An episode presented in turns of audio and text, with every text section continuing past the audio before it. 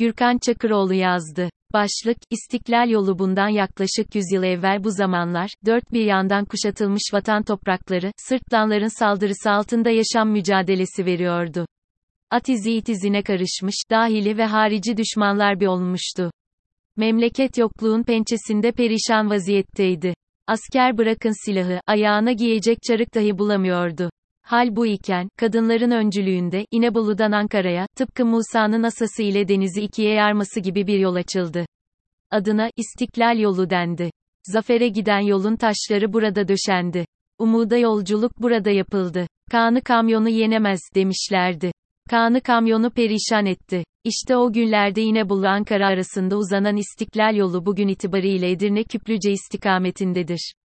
Türkiye'nin temel sorununun, yani Kürt meselesinin çözümünde, Kemal Kılıçdaroğlu veya Ali Babacan ya da Ahmet Davutoğlu'nun ne dediğinden ziyade Meral Akşener'in ne yapacağı önem arz ediyor zira bu sorunun birçok muhatabı ve veçesi olmakla birlikte siyaseten iki temel aktörü var, Kürt siyasal hareketi ve Türk milliyetçileri.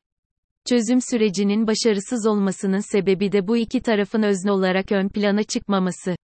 Edirne ve Küplüce'nin bırakın aynı ittifakı aynı istikamette bile yol almasının zulme nasıl dur dediğini ve umudu nasıl yeşerttiğini 2019 yılında hep birlikte gördük.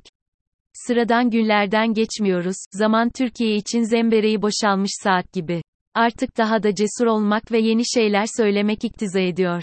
Selahattin Demirtaş'ın T24 için kaleme aldığı son yazısında, kendilerine batırmak için kaldırdığı iğneyi elinden alıp, gereğini yapmak Meral Akşener'e düşmekte. 2016'da çıktığı asil ve cesur yolculuk ona bu sorumluluğu yüklüyor. Ne diyordu Demirtaş, eğer diğer muhalefetten Kürt açılımı bekliyorsak biz de HDP olarak Türkiye açılımı yapmak zorundayız. Mağdur kimliğimizin bizi ezilmişlik veya öfke psikolojisine sokmasına izin vermeden, özgüvenle tüm Türkiye'yi kucaklamak zorundayız. Demirtaş haklı. Daha da önemlisi Türkiye'nin demokrasiye dönüşmesi, hukuka kavuşması ve refaha ermesi için elini değil gövdesini taşın altına koyuyor. Peki, Akşener ne yapacak? Ankara'nın prangalarını kırıp, ezberlerini bozabilecek mi? Kendisi de defaatle, bu topraklarda farklı kesimler arasına duvarlar örüldüğünü, söylemiştir ki doğrudur. Yıkabilecek mi o duvarları? Onları tuğla tuğla öğrenlerin dilini aşabilecek, içine doğduğu dünyanın kabuğunu kırabilecek ve ahir zamanın Tomris Hatun olabilecek mi?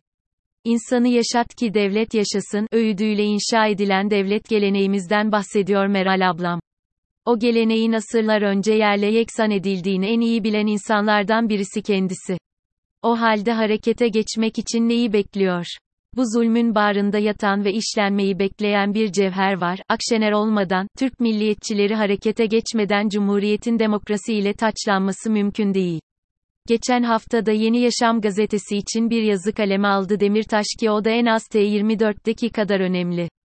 Demirtaş bu iki yazısında içeriye olduğu kadar dışarıya, yani bizlere de sesleniyor.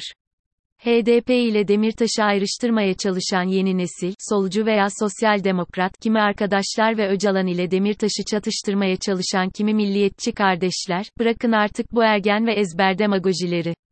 Bu söylemlerin tek kazananı mevcut rejim olacaktır. Her birimiz, öncelikle kendi arka bahçemizi temizlemekle işe başlamalı, kendi yarattığımız canavarla yüzleşmeliyiz. Ucuz siyasi manevralar veya kişisel ikbal kaygıları milleti bu cendereden çıkarmaya kafi değil.